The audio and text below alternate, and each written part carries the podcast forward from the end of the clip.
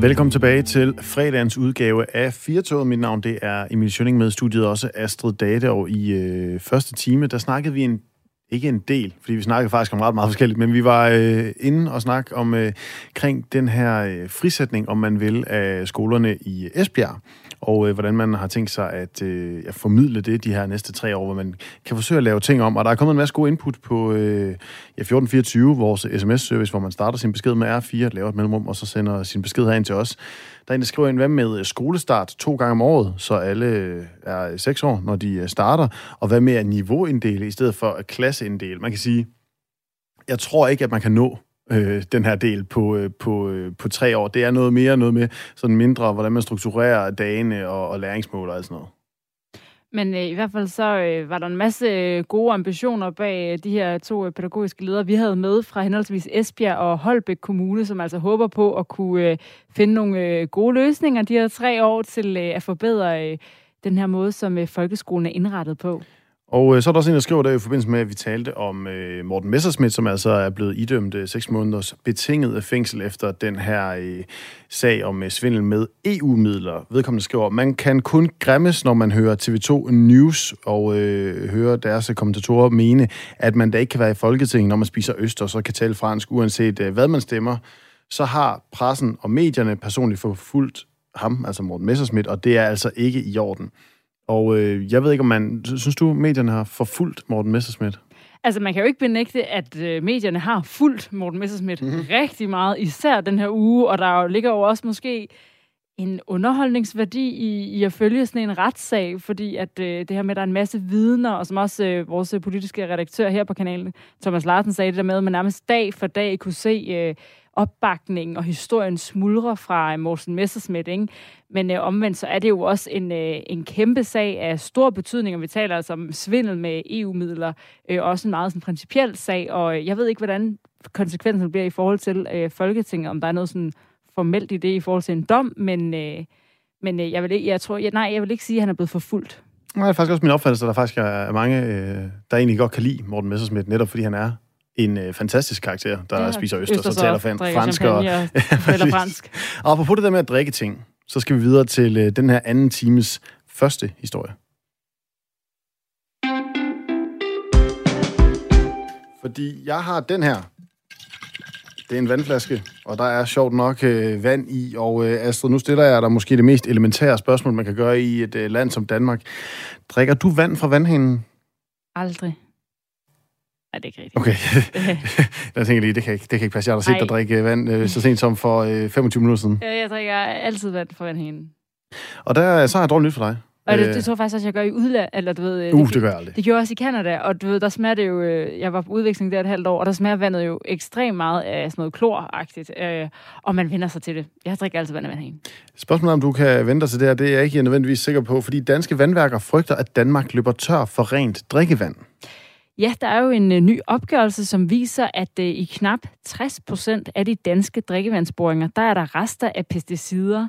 Og danske vandværker, Dansk Vand- og Spildevandsforening og Danmarks Naturfredningsforening, de forsøger nu i et øh, fælles brev at råbe Folketingets partier op, da de mener, at der ikke vil være rent vand til de kommende generationer, hvis der ikke bliver handlet nu. Rent vand i vandhanen er altså ikke længere en selvfølge. Velkommen til dig, Susan Mønster. Jo, tak for det. Direktør i øh, Danske Vandværker. Nu stiller jeg bare også dig det samme spørgsmål. Drikker du vand fra vandhanen? Ja, det gør jeg altid. Og jeg vil også gerne starte med at sige, at det kan man også blive ved med trygt at gøre. Så, øh, så der er ikke nogen problemer med det, der kommer ud af vandhanen i dag. Faktisk så er det jo tit meget bedre, end det, man kan købe på, øh, på flaske i, øh, i supermarkedet. Men, men hvorfor så det her, øh, nu siger du, at det kan man blive ved med, men hvorfor så det her brev? Jamen, det, det, det jo handler om, det er ikke øh, situationen nu og her. Man kan sige, det, det som er, er situationen lige nu, det er, at vi kan se nogle, øh, nogle uheld, en, en uheldig udvikling netop ved, at, at der optræder uønskede stoffer i vores øh, grundvand. Og, øh, og hvis ikke vi gør noget ved det nu, så, så får det den betydning, at vi ikke kan levere lige så godt øh, drikkevand til, øh, til forbrugerne øh, og, øh, om, om nogle år. Øh, og øh, det, det, som jo er lidt specielt for Danmark, det er jo, at vi baserer jo vores drikkevand på grundvand. Og det vil sige, at i praksis så bor vi jo alle sammen oven på vores grundvand. Og derfor så skal vi passe rigtig meget på det, fordi det er sådan en ressource, som, øh, som skal, er værd at beskytte, fordi det jo også betyder rigtig meget for vores, øh, for vores liv og for vores helbred. Ja, og nu er der jo den her, det her ikoniske dommedagsur, hvor klokken den er lige ved at være øh, lidt i, øh, i midnat. Hvor står vi i forhold til pesticider i det danske drikkevand, hvis vi kiggede på dommedagsuret? Jamen, der, der ser det jo desværre ret øh, altså, alvorligt ud, og man kan sige, det er jo, det er jo både pesticider og andre uønskede stoffer, som jo desværre øh, optræder mere og mere i vores, øh, vores grundvand. Og det, er, det er selvfølgelig også, fordi vi er blevet bedre til at måle for stofferne, men det er også fordi, der, der egentlig er nogle stoffer, som man aldrig regner med at skulle se i grundvandet, som lige pludselig bliver fundet der. Så, så øh, hvordan vi indvender og drejer det, jamen så, så har det, altså vores, vores liv og vores adfærd har jo betydning for, hvad, hvad det så er, der, øh, der sker også i undergrunden. Og det vil sige så, øh, altså dårlige beslutninger fra tidligere, eller øh, ja, uhensigtsmæssig øh, adfærd, kan du sige, øh, det rammer os jo så på et eller andet tidspunkt. Og, og det er jo sådan set det, det handler om, at, at dem, der kommer efter os, altså vores børn og vores børnebørn, at hvis de også skal have ordentligt drikkevand, så er vi simpelthen nødt til at gøre noget ved det nu. Jeg kan huske øh, tilbage i øh, de små klasser i øh, folkeskolen, der havde nok været der en moderne form for sådan klima- eller miljøangst, for vi havde sådan et projekt om netop drikkevandet i, i den danske undergrund, og at det, det faktisk var troet, og det er jo efterhånden nogle år siden, altså er det, kan det blive for sent i forhold til sådan at gøre noget for, at, at drikkevandet i, i, i Danmark egentlig er, er rent nok? Ja, altså det er jo det, vi sådan set frygter, og det er jo også fordi, når vi kigger på for de her vandprøver, der bliver taget, altså også i grundvandsovervågning, så kan vi jo se, at, at mængden af uønskede stoffer, øh, eller, eller de boringer, hvor, hvor de uønskede stoffer øh, optræder, at det er jo desværre stigende. Så det er jo et tydeligt signal om, at det går den helt forkerte øh, vej for os. Og øh, det er altså i knap øh, 60 procent af de danske drikkevandsboringer, man har fundet rester fra pesticider. Hvor kommer det her fra? Jamen, det kan jo være altså, øh, fra landbrugsaktiviteter, altså øh, sprøjtemidler, som, øh, som jo desværre så er, er, har bevæget sig ned igennem jordlagene. Og det, øh, og det er sådan set ikke for at pege fingre af landbruget, fordi dengang, at, at de her øh, øh midler de blev godkendt, der var det jo med den viden, man havde på det tidspunkt. Øh, men det, det er jo nogle af de aktiviteter, men det er sådan set også os selv øh, i, øh, i hverdagen. Altså, det kan også være biosider. For eksempel sådan noget, som vi bruger, når vi laver, når vi øh, maler vores huse, hvis man bor i et træhus, eller øh, andre ting og sager, altså som øh, svampedræbende midler. Altså sådan vores almindelige øh, dagligdags liv, som jo også påvirker omgivelserne. Så det er sådan en, hvad kan man sige, øh, en sammenlægning af alle vores aktiviteter, som, som jo, øh, som jo øh, rammer os øh, for eftertiden. Hvad er det vigtigste, der skal ske nu for at øh, sikre, at vi har rent drikkevand?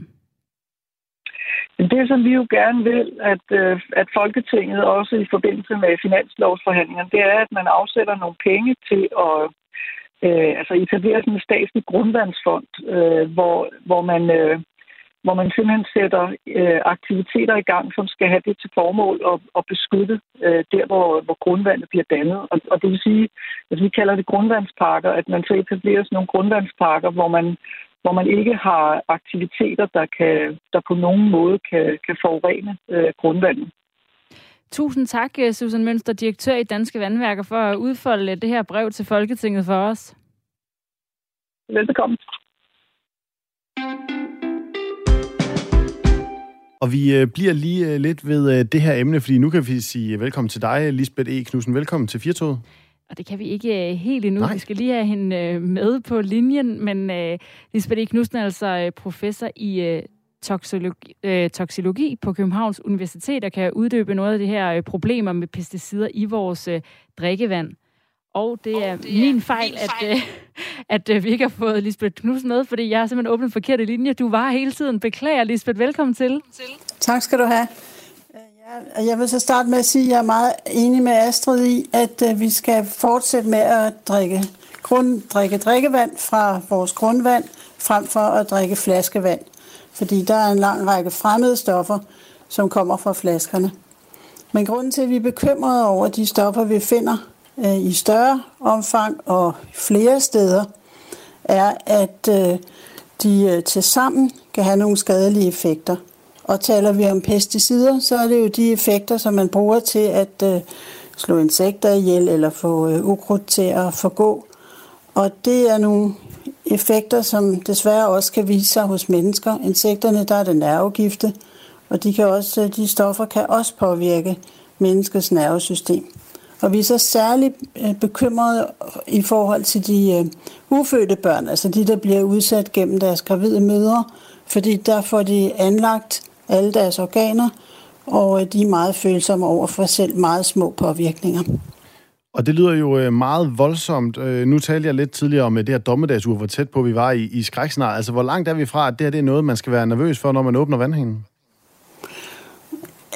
Jeg ved ikke, om man kan gøre det op i år, men, øh, men altså, vi er, vi er tæt på, at, øh, at der virkelig skal gøres nogle steder, hvor man øh, måler meget, øh, mange forskellige stoffer og i øh, høje koncentrationer. Så det er virkelig på høje tid at prøve at øh, skærme vores grundland, grundvand for, øh, for unødige øh, kemikalier. Så jeg synes, det er et godt forslag, der er lagt op til, med at man øh, prøver at skærme de vandudvindingsområder, der er i Danmark. Og du siger, det især er altså sådan noget fostre, som det har skadelig effekt på. Hvad, hvad med, hvis vi som øh, voksne drikker øh, vand med pesticider, kan det også være farligt for os? Ja, altså det, nu er fostrene de mest følsomme, men det er de samme øh, processer, der gør sig gældende hos børn og voksne. Så derfor er vi ikke fri for risiko. Og hvad er det, der kan ske? Ja, nu har jeg påpeget det med nerveskader, men man kan også sige, at immunapparatet kan påvirkes, og øh, nogle af dem er jo altså også optaget på listen over mistænkte kræftfremkaldende stoffer. Så kræft er en mulighed, og øh, evnen til at få de raske børn, man gerne vil have, kan også blive påvirket. Og når man øh, ser på de enkelte stoffer, så er de jo ikke nødvendigvis øh, så skadelige i sig selv. Altså, hvorfor er det, at, øh, at det her med pesticider bliver så farligt? Ja, det er det, vi kalder cocktail-effekten, hvor øh, øh, de virkninger, et enkelt stof øh, har, kan lægges sammen med flere andre stoffers virkninger, sådan så at øh, vi får en meget større effekt, end vi ville have fået af de enkelte stoffer hver for sig. Og nu stikker jeg øh, hånden direkte ind i øh, bikuben, tror jeg, jeg godt kan fornemme. Er det egentlig bedre bare at drikke flaskevand så end vand fra, øh, fra hanen, hvis man nu vil undgå de her skadelige stoffer? Det var altså det, jeg prøvede at sige. Det synes jeg ikke, det er. Fordi øh, flaskerne jo også øh, afgiver forskellige stoffer, som øh, ikke er øh, ønsket. Så løsningen er at få rent drikkevand. Og, og nu er der jo kommet det her åbne brev til øh, Folketinget. Synes du, at der er sådan en... Øh, altså, oplever du, eller føler du dig tryg i, at det, det her problemstilling, det bliver taget alvorligt? Altså, vi har jo talt om det, som jeg også startede med at sige, i rigtig, rigtig mange år. Så jeg synes, at øh, det vil være godt, om øh, der kom endnu mere turbo på det her. Er der noget, som øh, vi selv kan gøre? Ja, altså vi kan jo medvirke til at øh, opsamle vores affald, så det ikke bare siver ned i, øh, i grundvandet. Du nævnte selv, at man får byggematerialer og øh, andre øh, affaldsmaterialer kan se, at der er nedsiv af stoffer. Og hvis man bortskaffer sit affald fornuftigt, så kan man øh, hjælpe der.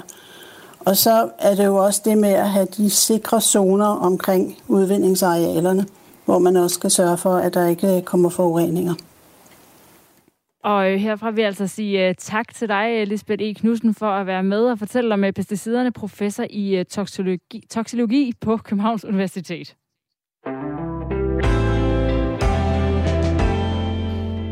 Det her, det er øh, Firtoget. Mit navn er Emil Schønning med i øh, studiet. Også Astrid Date, der eftermiddagsprogrammet her på øh, Radio 4, hvor vi øh, kommer bredt omkring. Og hvis du har et input til noget af det, vi snakker om, jamen så er du altid meget velkommen til at skrive til os på 1424. Så starter du din besked med R4, laver et mellemrum, og så kommer den altså ind til os, som rigtig mange af jer, af jer gør. Altså beskederne. Ikke jeg. I kommer ikke herind. Bare roligt. Det er ikke sådan, I sender besked, vum, så ryger I direkte ind i systemet herinde hos mig. Det er, det, det er kun uh, vores producer Lasse og Astrid, der kan sådan i vores umiddelbare nærhed komme ind i det her studie. Og er der nogen uh, input til vores uh, vandsnak? Nej. Nej. Det er vanvittigt, at der ikke er nogen, der har skrevet ind. Så kan det være, at der er nogen, der vil tale øh, med her om øh, en, øh, en stor gave til dronningen, som øh, måske øh, er lidt mere øh, nært for mange, det her med at give gaver. Og øh, når øh, du skal give en gave, Astrid, er du så tidligt ude, eller køber du noget i sidste øjeblik? Det er meget forskelligt, for øh, jeg vil sige, det er sådan enten eller, fordi jeg er sådan en, hvis, hvis jeg ser noget, hvor jeg tænker, det her vil være en perfekt ting til vedkommende, eller ja, så køber jeg det. Og så kan det godt være, at der er et år til, eller et halvt år til, at øh, personen har fødselsdag, eller det er jul. Men jeg kan sagtens, altså hvis, jeg tænker, hvis ikke jeg har gjort det, hvis ikke det har været sådan noget, jeg er faldet over noget på vejen, så er det sidste øjeblik. Altså så står jeg der den 23. og køber alle gaverne i magasin. Og det er jo træls. Altså, hvor vigtigt synes du, det er at komme med den rigtige gave? Øh, det synes jeg er vigtigt. Det, det er sådan det der med, der har man en mulighed for at sige, at øh, folk betyder noget for en. Og der kan man sige, Gardernetværket har øh, været øh, okay tidligt ude for den 14. januar næste år. Der har dronning Margrethe 50 års regeringsjubilæum, øh, og øh, de har altså allerede fundet ud af, hvad de vil forære hende. De har tænkt sig at øh, samle 10 millioner kroner ind, og så donere dem øh, ja, til øh, hendes majestæt, dronning Margrethe, så garderne på Marcelsborg Slot, det er det, der ligger her i Aarhus, hvor at, øh, ja, hendes majestæt, øh, dronning Margrethe, nogle gange holder jul, og øh, også er om, øh, om sommeren, så kan Marcelsborg Slot få et nyt garderhus. Jeg skulle virkelig starte i, i rigtig god tid, hvis jeg skulle være med på at give et garderhus til 10 ja, millioner kroner. det vil jeg jo gerne have næste gang, jeg har fødselsdag. Det er noteret. Det bliver om Mange år. mange år. Men øh, nu har vi ringet til præsident for Gardernetværket, Michael Klitvad, for at høre lidt mere om øh, den her gave. Velkommen til. Tak skal du have. Øh, er det her noget, som øh, dronning Margrethe, øh, hendes majestæt, ønsker sig, tror du? Altså, jeg, jeg vil sige det på den måde. Vi øh, går ikke sådan lige ud og finder på en gave af den her størrelse, uden vi har sådan en lille fornemmelse af, om det er noget, majestæten kunne, kunne tænke sig. Fordi, prøv nu at tænke jer, at vi møder op med, med, med gaven, og så siger majestæten, det har jeg jo slet ikke ønsket mig, øh, så det, det kan jeg ikke bruge. Så, så jo, vi har en rigtig, rigtig god fornemmelse af, at majestæten øh, synes, det er, er en god idé, at vi, vi giver sådan en gave. Så, så I, I kører med en form for provisorisk ønskeliste? Ja, altså det er jo, det er jo ligesom, når øh, familiemedlemmer skal have sådan en, en, en større gave, så stikker man nogle gange lige fingrene i jorden for at høre, om det er en god idé, inden vi går ud og køber det. Og, og lige i det her tilfælde lover jeg, at det er ikke noget, man lige resonerer med på Danmark, hvis, øh, hvis det var en, en, en fejlgave. Og der kan vi lige komme med et råd, hvis der er nogen, der sidder derude og, og tænker, hvad er det for nogle situationer, hvor man lige stikker en finger i jorden i forhold til familiemedlemmer? Dyr for eksempel. Altid spørger inden. Garderhuse også altid inden. Det er ligesom sådan en tommelfingerregel. Det er de to, man altid lige spørger om. Ja, fordi det er, jo, det er jo en ambitiøs gave, må man også sige. Både, både, både at få og modtage, kan man sige, til, til de her 10 millioner kroner. Hvorfor vil I forære hende øh, noget så stort? Jamen, jeg synes, nu håber jeg ikke, at majestæten lytter med lige nu, fordi sandheden er, at en ting er, at det er gave til øh, majestæten, men det er lige så meget også en gave til øh, Aarhus-borgerne øh, øh, i fornyelse af, af Marcellesborg, og sandelig også til, til garderne, som kommer på vagt på Marcellesborg Slot. Fordi øh, dem, der er, der har været ude forbi og se det øh, vagthus, der ligger i øjeblikket, øh, ved, at det minder mere om et udrangeret øh, vagthus fra Københavns Lufthavn over i den ende, hvor man helst ikke ønsker at komme. Så hvis vi kan sikre, at både oceanerne får øh, noget flottere at kigge på, øh, når de kommer ud til Marseillesborg Slot, og samtidig, at vi kan hjælpe vores øh, øh garder, vores unge garder, så synes jeg, at vi i, øh, i det her lige præcis øh, regeringsjubilæet regeringsjubilæet har gjort en, en god gave, både for øh, Aarhus garderne og så især deltid majestæten. Så det ligger lidt i, i kortene, at det er til, til alle tre. Ja, og fordi Michael Klitvad, det er jo super ærgerligt over det her. Nu, nu, nu stjæler du simpelthen, du kommer mig i forkøbet med det øh, spørgsmål, jeg har glædet mig til at stille dig lige siden, at jeg så den her nyhed. Nemlig, at øh, jeg kender, øh, øh, jeg har en bekendt, som engang gav sin øh, kone en rørmaskine, fordi han synes, hun godt kunne tage og bage noget mere brød. Det kan man sige, det var næsten en gave mere til ham, end det var til hende. Det er vel også næsten mest en gave til jer garder det er i hvert fald en, en gave til, øh, til de garder, som øh, fremadrettet, når øh, bygningen står færdig, skal holde vagt på Marseillesborg, kan glæde sig over nogle langt bedre forhold, end, end det, de har i dag. Og så ved jeg positivt, at majestæten vil glæde sig, når hun kører op igennem øh, hovedporten op, i, op til, til slottet, at øh, der står den her øh, nye bygning, som i virkeligheden er bygget i den gode gamle stil, som øh, blev opført helt tilbage, da, da slottet blev bygget. Så jeg er stensikker på, at vi vil, vil også glæde majestæten, selvom det både er Aarhus og, og garderne, der får, får glæde af det. Og det er jo et øh, skønt område deroppe, og jeg har også øh, tit været oppe og gå, gå tur deroppe, og du har jo ret udefra set, øh, uden at skulle øh, kritisere den. Det er jo også været, at øh, hendes Majestæt ikke når at få den her gave, hvis I ikke når jeres mål eller, eller andet, så er det jo ærgerligt at svine den bygning til. Den, der er plads til forbedring, tror jeg, man øh, siger i, i ejendomsmælersprog. Hvad er det som garter, man mangler i den her bygning? Og bare lige, det, bare lige for, hvad er garterbygningen? Det er den første bygning? Øh... Ja, det er, når du, når du står helt nede ved, ved gitterporten øh, og, øh, og kigger op mod Marseillesborg Slot, så inden til, til venstre ligger der sådan en, en lille grå øh, bygning med, med fladt tag, øh, som kunne ligne sådan et, et paskontor, paskontrol øh, kontor nede fra, fra grænsen. Så, så det, er det, du, det er det, du ser som det første, når man kommer til, til slottet. Og, og, og, og hvorfor er det, altså, en ting er, det ikke er så pænt udefra, men hvad er det, man mangler som garder i den her bygning? Jamen, du, der er flere ting i det. Den ene af delene kan jeg ikke helt komme ind på, for det handler lidt om, om, om sikkerhed uh, helt generelt i, i den her gamle bygning, som hvis vi ikke husker meget galt fra, fra 1960-61. Men, men det andet er også selve de bekvemmeligheder og de ting, man øh, i virkeligheden skal have af, af sovefaciliteter og, og opholdsrum øh, som, øh, som garder, når man er på, på vagt i dag. Der lever bygningen øh, op til, til standarderne jo vel, men, men det kunne rent faktisk godt blive øh, noget bedre øh, og bedre forhold til, øh, til dem, der kommer og går, går vagt på slottet. Og hvordan er det, I vil... Øh, det skal jo så være en gave fra, fra jer garter. Hvordan har I tænkt jer... Det, altså, det, det lyder jo som om, at hatten i den grad skal gå rundt. Altså, det, det, det er noget af en uh, mobile pay, I skal i gang i, hvis I skal samle 10 millioner ind blandt jer øh, lidt over 2.000 medlemmer i jer i, i, i garternetværket. Altså, ja, allerede nu er jeg glad for, at du nævner MobilePay på de øh, 12809 øh, tallet, der sidder derude. Det er bare om at komme i gang, ikke? Øh, og, og jeg kan fortælle dig, at øh, øh, lige nu er det jo beløb af, af alle størrelser, der gælder, og, og vi er jo stort set lige begyndt. Det, det sjove er, at så sent som øh, i dag, øh, har jeg fået en, en donation ind på 50 kroner, men jeg har også fået en ind på Øh, 1100 kroner. Så, så alt stort og småt øh, gælder her. Og, og så er det jo rigtigt, at vi kan jo ikke øh, satse på, og det kan vi bestemt ikke, at det kun er nuværende og, og tidligere øh, garder, som, øh, som spiller i kassen. Og, og det betyder også, at vi fra i, i næste uge øh, til alle de virksomheder, som lytter med her, øh, vil øh, sende ud til, til aktuelle virksomheder, som vi mener kunne være øh, interesseret i at, at hjælpe med, med indsamlingen. Og samtidig naturligvis er der nogle interessante fonde øh, i, i Danmark, som, øh, som vi også håber at kunne få lidt, øh, lidt hjælp af. Og så øh, tror jeg også, at jeg vil sige, at det kan godt være, at vi ikke nødvendigvis når de 10 millioner, men når vi så 9 millioner, så er vi, så er vi jo lige så glade. Og hej, ligesom nu talte vi om, at øh, der lige er blevet stukket en finger i jorden i forhold til, om øh, Øh, dronningen nu gerne vil have sådan et nyt garderhus. Altså, der også, har du også lige sådan taget temperaturen på, altså om der overhovedet er villighed til at spytte i kassen til at få øh, givet den her på øh, garderhus til jer, så op til 10 millioner kroner? Altså, det er jo, det er jo altid, altså, det er fuldstændig umuligt. Jeg vil, jeg vil hellere sige, at vi, vi gør vores bedste, og det gør vi altid. Viser det sig, at vi, vi når de, de 10 millioner, og vi går over i gaven, så er vi jo rigtig glade. Når vi et, mindre beløb, så er vi lige så glade for at kunne, kunne aflevere det, og så i håbet om, at vi måske på et senere tidspunkt kan få samlet noget mere ind. Men altså, øh, med støtte fra, fra store virksomheder, med støtte fra fonde, så har jeg en helt klar tro på, at det vil være muligt at, at nå op til, øh, til de 10 millioner. Og øh, jamen, hvis vi nu bare lige går tilbage og snakker om den her øh, potentielt mulige øh, nye øh, garderbygning, der, øh, der, der kommer, hvordan kommer den til at se ud? Jamen rent faktisk kan du gå ind på uh, Gardernetværk hjemmeside eller gardergaven.dk.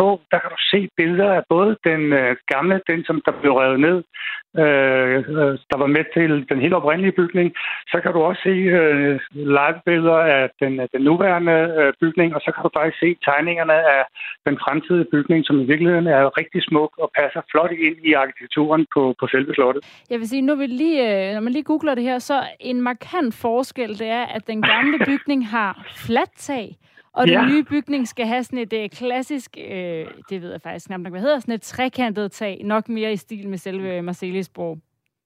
Det er rigtigt, og hvis du scroller lidt op, så kan du også se den oprindelige bygning, der som også havde den samme rejsning. Så man forsøger faktisk på at gå ind og se, om man kan, kan ramme udseendet, og så uh, lave den moderne i forhold til de sikkerhedsforskrifter, som uh, sådan nogle bygninger uh, kræver, når det handler om, om forsvaret. Og så øh, håber jeg ikke, jeg øh, gør mig skyldig i majestætsfornærmelse nu. Øh, men hvis man nu skulle være lidt fræk, så kan man jo spørge, om øh, hendes majestæt, dronning Margrethe, ikke selv burde betale for, for sit garderhus. Altså, det er jo trods alt på en eller anden måde hende, der er chefen i, i foretaget, og hendes hus, det, det handler om. Ja, det er helt klart, at der var sikkert mange øh, man kunne komme i tanke om, som skulle, øh, skulle betale til, øh, til lige præcis det her hus. Men det, vi synes øh, samtidig er lidt, øh, jeg vil næsten kalde det til sjovt og, og lidt morsomt, det er, hvis vi som gardernetværk kan være med til at have etableret den her bygning til, øh, til kongehuset øh, og, til Mercedesborg, øh, så vil jeg jo med, med stolthed som, øh, som øh, bedstefar øh, farfar kunne sige til mine børnebørn, prøv at se, den der bygning der, den har jeg været med til at samle penge ind til og give til, øh, til majestaten. Altså, der er lige så meget øh, stolthed i, at vi, øh, vi kan gøre noget i, i fællesskabet, og så give noget til både øh, majestaten og til, øh, til Aarhus på, på samme tid. Så vi har ikke rigtig tænkt i, hvem der ellers der skulle betale anden, end at vi synes, at det var en, en flot gave at kunne give i forbindelse med regeringsjubilæet. Og det, det tror jeg, vi alle sammen kan blive øh, enige om, øh, Michael Klitvad, at det er en utrolig øh, flot gave. Hvad er det for et forhold, man får til kongehuset som garder? Man kan jo høre, at du taler virkelig passioneret omkring det her, og I, I samler ind, og at det er ligesom blevet sådan en mission for jer. Hvordan, altså, hvad er det for et forhold, I har fået til kongehuset at være i den kongelige danske livgarde?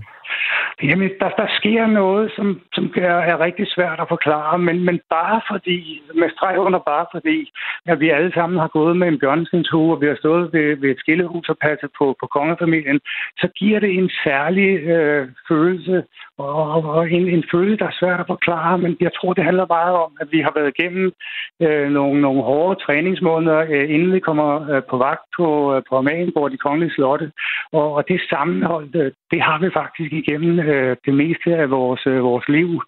Øh, så der ligger, en, der ligger en eller anden særlig ting, når du møder en, en tidligere garter, øh, stopper du op og hilser og så, øh, på, på høfligt og siger dag, hvornår var du inde. Øh, og det er heller ikke nogen hemmelighed. Det rykker jeg gerne her øh, for Åben Radio. Øh, vi, vi hjælper da også hinanden, og det er jo derfor, vi har et gardernetværk, øh, fordi i gardernetværk mødes øh, nu er der tidligere garter øh, og, og udveksler erfaringer. Så, så der ligger en, en særlig øh, ånd i, i det, har været livgarter. Og den skal altså også være med til nu at samle 10 millioner ind til øh, den her øh, gave til dronning Margrethe med et nyt garderhus. Held og lykke med det, Michael Klitvad, øh, intet mindre end øh, præsident for Gardernetværket, og tak fordi du var med her. Jamen altid, og hvis øh, Radio 4 finder ud af, at I vil støtte op og lave indsamling, øh, så kan vi jo gøre det i fællesskab. Det kunne da være sjovt, at vi kunne samle en million ind på radioens lytter, så er jeg klar. I kan Jamen, bare ringe. Du kan jo sige det til din chef, så kan vi sige det til vores. det er det, vi gør. Kan I have det rigtig godt og god weekend. I lige måde. Tak i lige måde. Og hvis man er nysgerrig på, hvordan det ser ud og skal se ud, så var det altså inde på øh, gardernetværk.dk, at man kan se de her billeder på forsiden.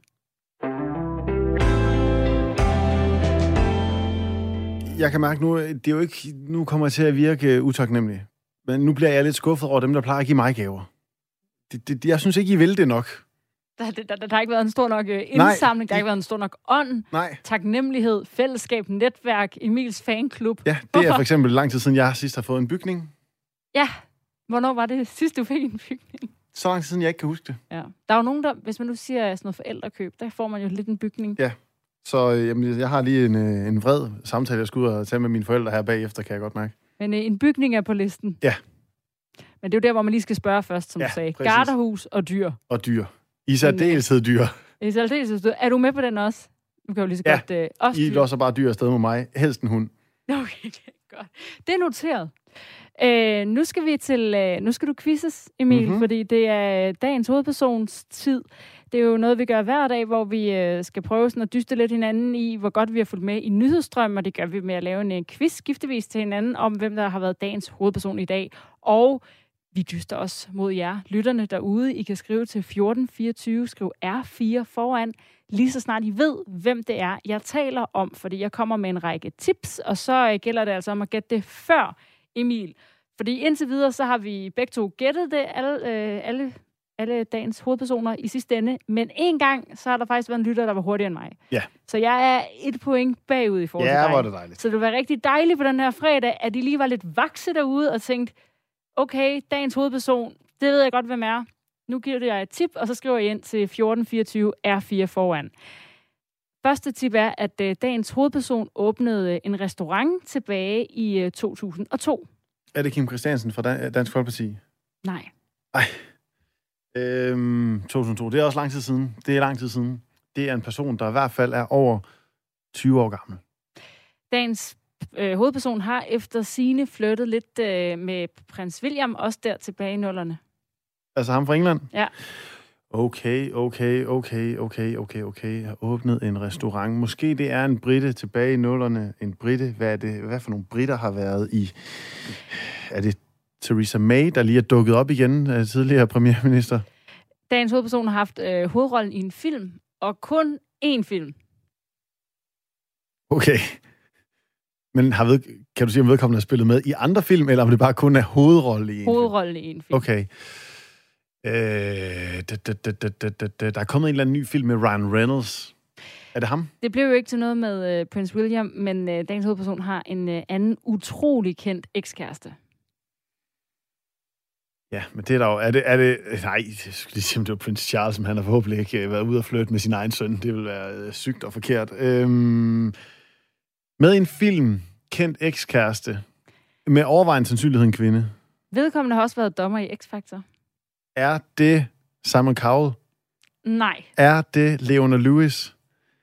Er det Sporty Spice? Er det Victoria Beckham? Dagens hovedperson står også bag en parfumeserie. Jeg spørger igen, er det Victoria Beckham? det Dagens David Beckham? hovedperson vandt sit første talentshow med sang, da vedkommende var 6 år gammel. Ah, jeg ved ikke, hvem det er. Nej, hvor fucker. Jeg troede, det var så nemt, at jeg har gjort tipsene utrolig svære. Ja. Øhm... Vandt... Er, det no... er, er vedkommende britisk? Nej. Okay, ja, så har jeg jo sat mig selv ultra skakmat. Og det er en kvinde. Ja. Har været øh, X-Factor i Danmark? Nej. Nej, i USA. Hvor der jo ikke er nogen, der ser X-Factor. Så ser vi alle sammen Idol. Er det Britney Spears? Ja. Hej, hvor er det pinligt. Nu må du altså lige se, om der var en sms, fordi det er dig, der står og kigger på dem, om der er nogen, der havde gættet det. Nej, din ledetråd var for svære. Nej, nej, de var jo fine. Altså, øh... Ah, der kom en sms ind med Britney Spears. Ej, Det er faktisk lige før, jeg godt vil give den. Som, den øh, kommer, fordi ja. man skal jo lige skrive den og Ja. sende den. Ja, okay, ved du hvad, jeg giver den. Jeg, øh, også fordi, det var så dårligt, at, at jeg fortjener ikke at få point for den her. Ja, også, altså, hvad jeg sagde, vandt sang, sangkonkurrence. Jeg ved godt, det med restaurant og sådan noget, men det var fordi første altså hvis jeg sagde, starter med, at øh, vedkommende har vundet en sangtalent, Hvis så du nu havde starter med at sige, at dagens person barberede sig skaldet og smadrede roden på en bil, for eksempel. Så havde jeg vidste du den. Ja. Det vidste du det. Nå, men Britney Spears far Ja. dropper altså det her værgemål. Ja, grunden til, at hun er Mm. mm. det skal vi lige have med, at øh, der har jo været en øh, dokumentar, og nogen måske har set, der har været flere dokumentarer. Jeg har, jeg har, jeg har kun set en af dem, tror jeg, utrolig god fra New York Times, øh, om det her vævemål, som Britney Spears altså er underlagt, hvor at hendes far har ansvaret, eller ja, ikke engang har ansvaret, men har sådan magten over hendes øh, økonomi og administration. Og det har hun øh, i retten i øh, Los Angeles prøvet at komme af med. Og det er ret vanskeligt, men nu, fordi det skal han ligesom sige ja til, ikke? Og det er seneste nyt i dag. Og der har han sagt, at uh, han vil godt uh, træde ned, og så kan der komme en anden. Og øh, hvad sker der så? til Britney. Det er, det er, og hvad, hvad kommer vi så til at se mere til hende? Og jeg har det sådan lidt... Uh, det, det var dårligt. Ja, dig? Ja. Ja, det er utroligt dårligt. Kan du ikke uh, trykke på den der Jeg knap, har hvor der det kommer? har kørt på news. Hele, Ja. Vi har ikke kigget på andet end Britney Spears hele Nej. dagen, og vi har endda, vi har endda over, vi har endda over, at vi skulle snakke mere om det i dag. Kan du ikke hit me with a jingle baby one more time, så vi kan komme videre fra den her misære?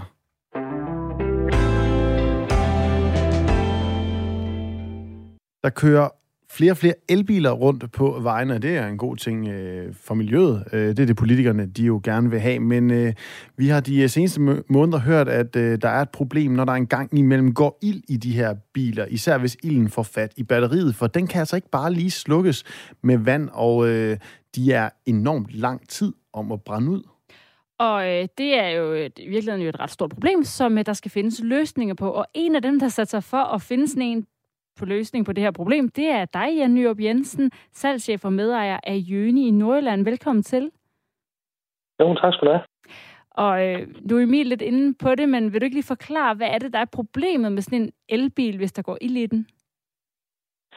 Øh, det, er jo, det er jo batteripakken.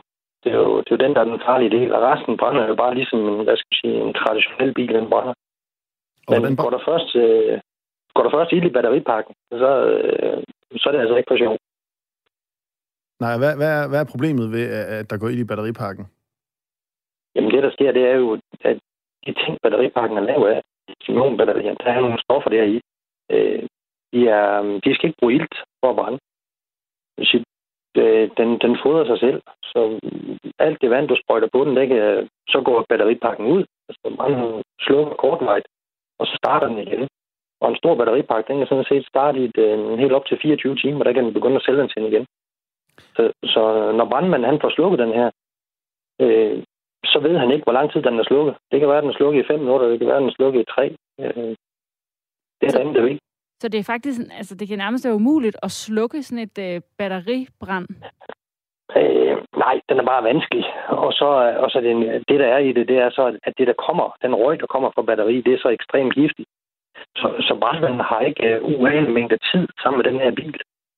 Øh, de siger, at den der hydrogenfluorid, øh, røggas, der kommer derfra, øh, det, er jo, øh, det er jo saltsyregasse, der kommer derfra. Og, øh, brandmanden drak den er klar 20 minutter, men øh, man siger, at han må, at han må opholde sig øh, helt tæt ved branden i 10 minutter, så skal han aflyses. Og så er der jo... Ja. Ja, det lyder jo som en, Jamen, det lyder som en, øh, altså en, øh, sådan nærmest en perfect storm, altså en, øh, en brand, der mere eller mindre kan fodre sig selv, udvikler farlig røg, så den person, der skal slukke den, ikke må komme i nærheden, og så reagerer den jo ikke særlig meget på, på vand. Hvad er det så, du har tænkt og udviklet for at finde en eller anden løsning på den her ja, vanvidssituation, man står med, når der er ild i en, i en elbil? Altså, vi kan slukke den med vand, men vi bruger jo øh, vi bruger et fint forstøvet vand, fordi det, vi ligesom prøver på det her køle batterien af. Øhm, det er også det, der sker, hvis du putter containeren op i en, øh, eller øh, den brændende bil, elbil op i en container med vand, så, så drukner du simpelthen batteri. Du køler det så meget ned, at det simpelthen går ud. Men du kan forestille dig en bil, der står i et parkeringshus. Der er det svært at få en stor container ind, og en lastbil, en kran, der kan tage den her bil. Så vi har lavet, øh, vi har lavet et stativ. Så hvis du forestiller dig, der står tre biler i et parkeringshus, der står op ad en betonvæg, så kan jeg stille det her stativ ind jeg kan køre det ind under bilen, og så slukker jeg batteriet nedefra. Jeg har dyser hele vejen rundt omkring bilen, så jeg har lavet stativ, du kan folde sammen, der ingenting fylder. Du kan klappe ud, skåre omkring bilen, så har du vandtog på bilen 360 grader rundt. Og vi har prøvet det ud på, på brandskolen ude i Aalborg, og vi kan se, at det virker.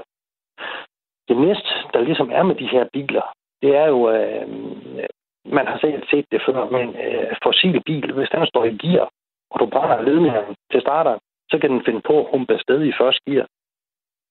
En elbil, øh, den humper ikke afsted i første gear. Når den kortslutter, så ligger den altså bare afsted. Så man kan ligesom godt se scenariet for sig, at der kommer kørende sådan en brændende elbil. Det er altså ikke for sjov. Det er godt, det kan have været fremme det her. Jeg ved ikke, hvor, hvor, hvor glade vi har været for at få elbilerne ud på gaden, hvis, hvis det bare kunne blive sådan nogle øh, jo, men brændende, det, det, det brændende lyn gennem gaden, der ikke rigtig kan slukkes. Ja. Men... Nej, altså det er jo selvfølgelig på spidsen, men, men, men det sker og det er sket, at uh, sådan nogle de, de simpelthen ligesom har, har kørt fra... Um, jeg har set, jeg har set nogle, nogle film, hvor uh, en, en bil, der var smadret på en tysk motorvej, at den simpelthen uh, den flytter sig flere meter. Og Efter nu... fronten, den manglede på bilen, og brandmanden han var i gang med at slukke den, så flyttede bilen sig. Det er jo ikke... Forestil dig, du er mand. Du står inde i et parkeringshus. Du står bag ved sådan en bil, og du vil sprøjte vand op under den, og du lige burde den ned for at, at, at, få vandet puttet det rigtige sted hen med din brændslange i din store øh, røgdykkedragt, og bilen den så begynder at bakke. Så man laver så selvfølgelig som nogle procedurer som brandfolk. Man står jo ikke bag ved en, en elbil, der brænder, eller foran for den sags skyld. Men det er jo så noget af det her stativ, jeg har lavet, den her mekanisk firefighter, som vi kalder den. Så den ud omkring, og så kan du som brandmand holde lidt afstand. Og, hvad, og det jeg... næste er så nu, nu, nu har vi lavet det stativ her, og, og vi har lavet det i flere forskellige udgaver. Ja. Øh, ja, og hvad er sådan, ja, du har lavet et stativ, som ligesom så kan køle, i stedet for at slukke branden, så køler det batteriet ned, så det ikke genansender. Men hvad er ligesom øh, baggrunden for at gå i gang med at lave det her?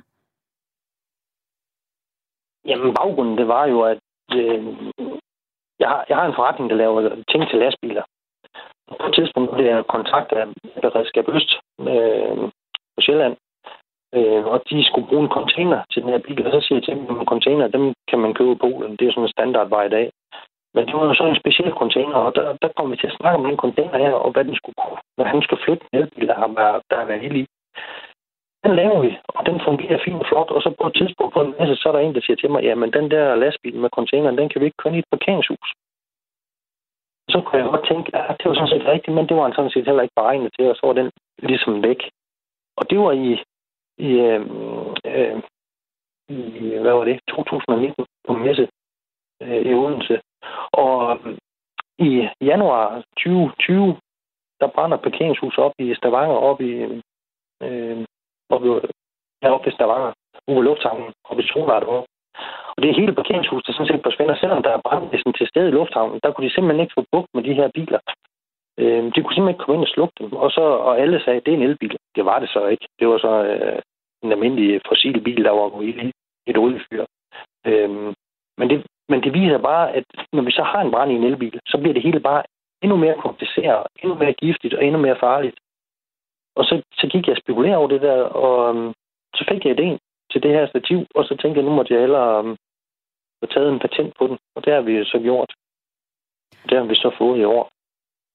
Og så øh, må vi se, hvad det, hvad det bliver til. Øh, vi vil i hvert fald ønske dig held og lykke med den her øh, opfindelse, der måske skal gøre hele den her øh, grønne omstilling også lidt mere sikker, øh, når elbilerne de, Jamen, øh, bliver udbredte. Det er jo det. Hvis vi som almindelige brugere, vi skal blive skal sige, mere tryg ved den her omstilling, øh, så mener jeg også, at brandfolkene de skal have nogle rigtige værktøjer at gøre med. Det er ja. dem, trods alt dem, der kommer og hjælper os i situationer, når det, når det brænder for os, brænder på, kan man sige, så kommer de for at hjælpe os.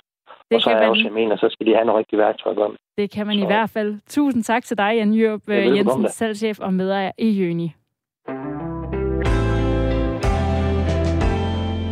Forleden der blev der anholdt en øh, spion i Berlin, og ikke øh, i en film, jeg så i biografen forleden med Benedict Cumberbatch, men øh, en rigtig spion. Han arbejdede for øh, den britiske ambassade, og han er mistænkt for at sende dokumenter videre til Rusland mod betaling. Og han lyder jo øh, ikke som hverken en James Bond-type spion, eller en superskurk, eller en mestertyv. Og det gjorde os øh, ret nysgerrige, fordi vi troede egentlig, det var noget, der hed øh, fortiden til. Så hvad er en spion egentlig i dag? Og det kan du heldigvis hjælpe os med, øh, Lars Bangert Struve. Velkommen til. Mange tak for det. Generalsekretær i Tænketanken Atlantsammenslutningen og øh, indehaver af en øh, lang karriere inden for sikkerheds-, udenrigs- og forsvarspolitik. Og øh, ja, det er jo selvfølgelig øh, en, en relativt hemmelig størrelse, sådan en øh, spion. Det er vi er relativt bevidste om i forhold til, om det er nu eller dengang. Det har det altid været. Men hvad ved vi om, hvad en spion er i år 2021? Jamen, en spion er mange ting i, i, i dag. Altså, det kan være, det kan være en, der, der kaster sig ud i det, fordi vedkommende mangler penge. Det kan være, at øh, vedkommende er blevet presset til at blive spion, øh, fordi vedkommende har, har gjort noget dumt. Eller det kan være, at vedkommende simpelthen øh, går ind for den gode sag, om man så må sige, og spionerer for sit land, eller for den idé, vedkommende går ind for. Så det er ligesom de, de sådan, hovedtyper af spioner, vi har. Ikke? Og, og dem, der så får udført spionage, jamen det er jo typisk stater, øh, og det kan jo også være virksomheder, der er interesseret i at, øh, at finde ud af, hvad, øh, hvad deres konkurrenter får lavet. Og så er der selvfølgelig også de, de sådan lidt mere øh, usikre ting, og det kunne være sådan noget som terrororganisationer eller frihedsbevægelser, eller hvad de nu kalder sig for. Så, så der er mange typer af spioner, og der er rigtig mange, der bruger spioner. Ja, og er det øh, egentlig så i virkeligheden ret almindeligt? Altså ved alle staterne og virksomhederne godt det? Altså, alle staterne ved det i hvert fald godt. Øh, alle ved, at alle spionerer, og at alle spionerer imod hinanden. Også dem, man er gode venner med, fordi at alle staterne vil jo gerne vide så meget som muligt, så de foretager beslutninger på et oplyst grundlag. Det er sådan set, øh, det er sådan set meget naturligt. Hvad der til gengæld nok er, er, er lidt mindre viden om, det er, hvordan at private virksomheder bruger spionage imod hinanden, og hvordan at stater spionerer både imod virksomheder, men også prøver for eksempel at, at hyre forskere eller komme ind i vidensnetværk, sådan så at de kan få øh, viden om, det kan være for eksempel den nyeste teknologi, eller hvor at, at øh, tanker bevæger sig hen i forskellige, øh, inden for forskellige områder. Og, og nu kan jeg mærke, nu er jeg, der kommer til at ske det nu, at jeg får ødelagt sådan et, øh, en, et barndomsbillede. Fordi jeg forestiller mig at når vi snakker spioner, så taler vi øh, mand-kvinde med attachémappe, måske sådan et øh, falsk overskæg, og, øh, og sådan sniger sig ind efter mørkets frembrud. Altså, hvad er det for nogle øh, metoder, spioner bruger i dag? Jamen altså, den, den metode, du skildrer der, den troede mange var for, øh, forsvandt sådan for 20-25 år siden, når man kunne Øh, inden, inden 9-11, der kunne man læse store rapporter om, hvordan at vi kunne klare det hele ved overvågningsteknologi.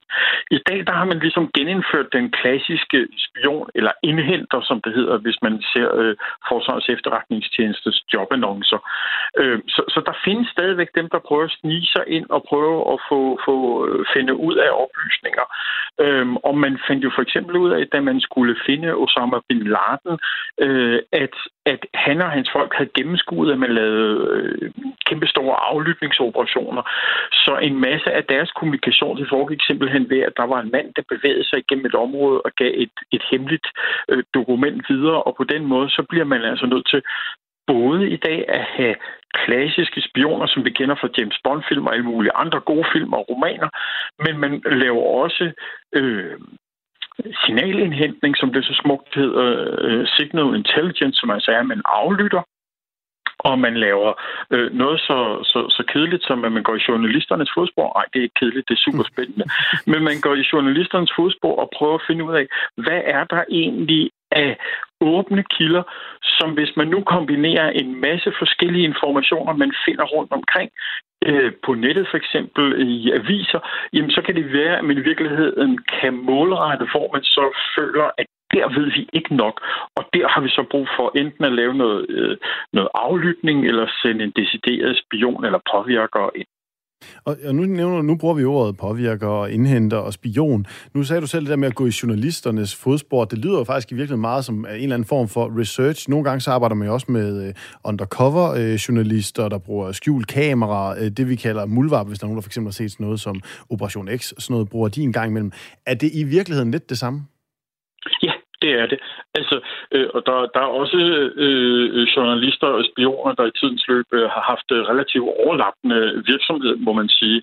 Øh, men, men, men, men ja, man benytter sig i høj grad af de samme metoder øh, til at indhente øh, oplysninger, til at bearbejde oplysningerne, og så lave dem Altså en ting er at indhente informationen, den skal jo bearbejdes, og så skal den så lægges ind i en større sammenhæng, og derved går den hen og bliver til efterretninger, som man så kan forelægge til for eksempel øh, en regering, så den kan tage beslutninger. Og hvad er det, du var også lidt inde på det i starten, med det der med, sådan, det, det der med at være spion, så er man jo meget heldig. Jeg tænker bare, det var meget specielt, det der med at skulle sætte sig selv... Altså jeg tænker, det er jo ikke helt, øh, altså, det er ikke helt ufarligt, det der med at være spion. Men at skulle sætte sig selv derud, hvor man er spionerer for nogen, men der er ikke nogen af os, der ved det. Vi hører aldrig om det, og vi ved ikke, øh, hvad der bliver lavet af store eller vigtige eller ja, større indsatser, som spionerne gør. Nej, det, det gør man helst ikke. Altså, øh, hvis I har set den der øh, film øh, Kingsman, altså, så er der jo det der med, at de har hængende på væggen alle de forsider, der var hvor at de havde grebet ind, sådan, så der ikke blev den store forside, om jeg så må sige, en skandale eller en attentat eller sådan et eller andet. Så spionerne, de skal faktisk leve det der hemmelige liv. Hovedparten af dem, der er ansat i en efterretningstjeneste, de lever et meget stille og roligt liv, øh, hvor de bare sidder og, og aflytter og, øh, og gennemlæser de informationer, de får, og meget få er så det, vi kalder for spionerne eller indhenterne, som altså opererer ude i marken, øh, og som har et, et meget, meget stressfuldt og meget, meget øh, til tider ubehageligt job. Øh, men de findes, og de, de laver øh, vilde ting, som vi typisk ikke får noget som helst at vide om.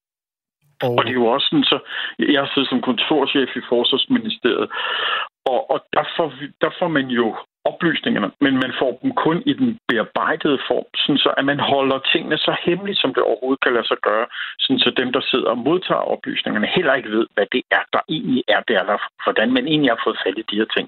Man må ligesom stole på tingene. Og, og jeg tænker, at det må også i den grad være blevet sværere, sværere at, være spion i takt med overvågning og Facebook, og folk øh, tager billeder af, at øh, når man så stod de og spiste en is, hov, så var der en spion, der var over på den anden side af gaden, og det der et eller andet face detection, der kan opdage over i NSA, over i øh, USA. Hvad er i dine øjne det mest interessante ved den her tid, vi lever i lige nu, når det kommer til spionarbejde? det er, hvordan at... Altså, en ting er den teknologiske ting, som er helt vildt fascinerende. De kan mere og mere. Men det andet er også, hvordan at spionarbejdet øh, i dag bevæger sig ud fra kun at handle om, hvor stor er fjendens flåde, eller hvordan øh, ser, ser, ser fjendens slagplan ud, til også at handle om, hvad forsker ens modstander i? Hvad taler ens modstander om? Øh, og derved i virkeligheden er spionage øh, rammer godt nok de færreste af os, men alligevel rammer virksomheder, rammer forskningsinstitutioner, øh, hvor at dem, som ser os som modstandere, går ind og prøver at finde ud af, hvad det egentlig er, det er, vi kan, og prøver at for eksempel kopiere vores teknologi, eller at prøve at udvikle mere overlegen teknologi, eller i værste fald for eksempel gå ind og påvirke vores, vores forestilling. Altså det her Trump, Trump-udtryk om fake news, det er jo noget, som russerne og kineserne er enormt gode til, og det er en del af deres efterretningsarbejde at gå ind og prøve at påvirke offentligheden, prøve at få det til at miste tillid til medier eller til politikere. Det er noget der, hvor det virkelig rykker lige for tiden, og hvor det er rigtig skræmmende noget af det, der sker, fordi det sætter spørgsmålstegn ved hele vores demokrati. Og øh, bare lige her til, øh, til sidst, vi jo, øh, det ved du ikke øh, nødvendigvis, vi er sommervikar her på, øh, på Firtoget, det vil sige, at når vi når øh, hen forbi august, jamen så øh, skal undertegnet finde noget andet at lave. Nu har vi snakket om Kina, Rusland og USA, der ved jeg godt, der kunne jeg måske godt blive spion. Kan jeg få en karriere som spion i Danmark? Altså, der er jo, der er jo øh, fjendtligsindede stater, der hyrer folk til at blive spioner i Danmark, om jeg så må sige. Det har vi jo set et par sager for. Øh, men Forsvarets efterretningstjeneste øh, er også ofte ude og, og hyre folk øh, på forskellige vis. Det kan være folk, der har en forskningsbaggrund, som ved noget om et særligt land eller noget teknologi, eller det kan være journalister, der er enormt dygtige til at gå ud og indhente eller finde informationer, eller det kan være øh, folk, der er gode til at hacke. Altså, så der er masser af karriere inden for det her, både inden for politiets og forsvarets efterretningstjeneste, hvis man vil være på de gode sider, med så må sige. Og der er desværre også mulighed for at være på de onde side i det, at en lang række stater, som for eksempel Rusland øh, og, og Kina opererer i Danmark, men der er sikkert også mange andre, der også opererer i Danmark. Og så vil jeg godt lige slå fast, selvfølgelig med mindre tilbuddet er godt, at det selvfølgelig bliver fra øh, på dansk. Og jeg kan se, journalist, der er god til at hente oplysninger, det kan jeg lære, og så kan de jo bruge mig som vært, hvis de også skal lave en eller anden podcast om spionarbejde. Jeg kan mærke, der er en karriere, der ligger og venter på mig derude. Det lyder rigtig godt, du. Tusind tak, fordi uh, du var med og var med, fortalte os og gjorde os meget klogere på uh, de her spioner og hvad de er i dag. Lars Banger Struve, generalsekretær i Tænketanken Alt, uh, Atlantsammenslutningen. Velbekomme.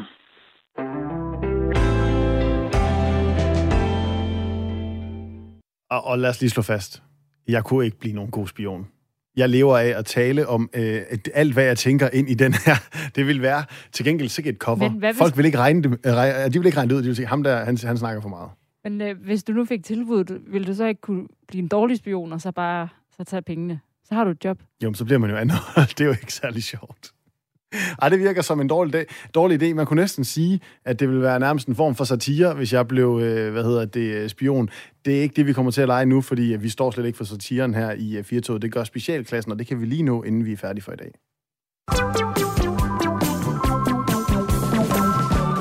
Du lytter til Specialklassen.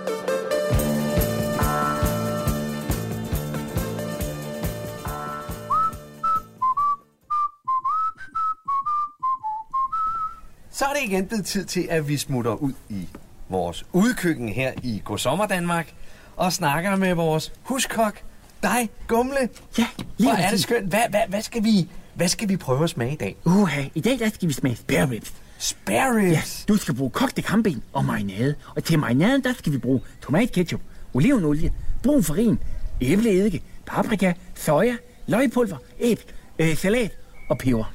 Okay. Så tager du lige så meget ketchup, du kan smule i en hat, ja. og blander med olivenolie. Forholdet skal være cirka dit telefonnummer divideret med 13. Okay. Så rører vi brun farin i. Kun lige hvad der kan være i en blokfløjte, mens den stadig kan spille. Det skal ligne huden på Maria Lucias ansigt. Okay, så... Det er konsistensen. Ja, ja. Så koger du det op i den tid, det tager at lave en hjemmefødsel. Åh. Oh. Så putter vi æbleeddike i. Det skal, der skal være nok til at blege håret på en masse ansat. Og så tager vi paprika. Ja. Cirka den mængde, René Diff han kunne have i næsen i 2004. Oh, det er alligevel en del. Der skal en del til. Ja. Og lidt soja. Kun lige, hvad du kan gribe med munden, hvis du kaster det op i luften. Okay. Løgpulver. Der skal du kun lige bruge nok til at dække en tårnegl. Drysser i. mere end det? Nej. Nej. Og så salt nok til at dække snuden på en rev. Okay. Rør det rundt. Ja. Og så smører vi det på kampbenene. Ja. Og så skal det grilles. Så skal det bare grilles? Lige præcis. Jamen, prøv her. Jeg kan da slet ikke vente til at, at, at smide det på gulvene, hva'? God sommer derude.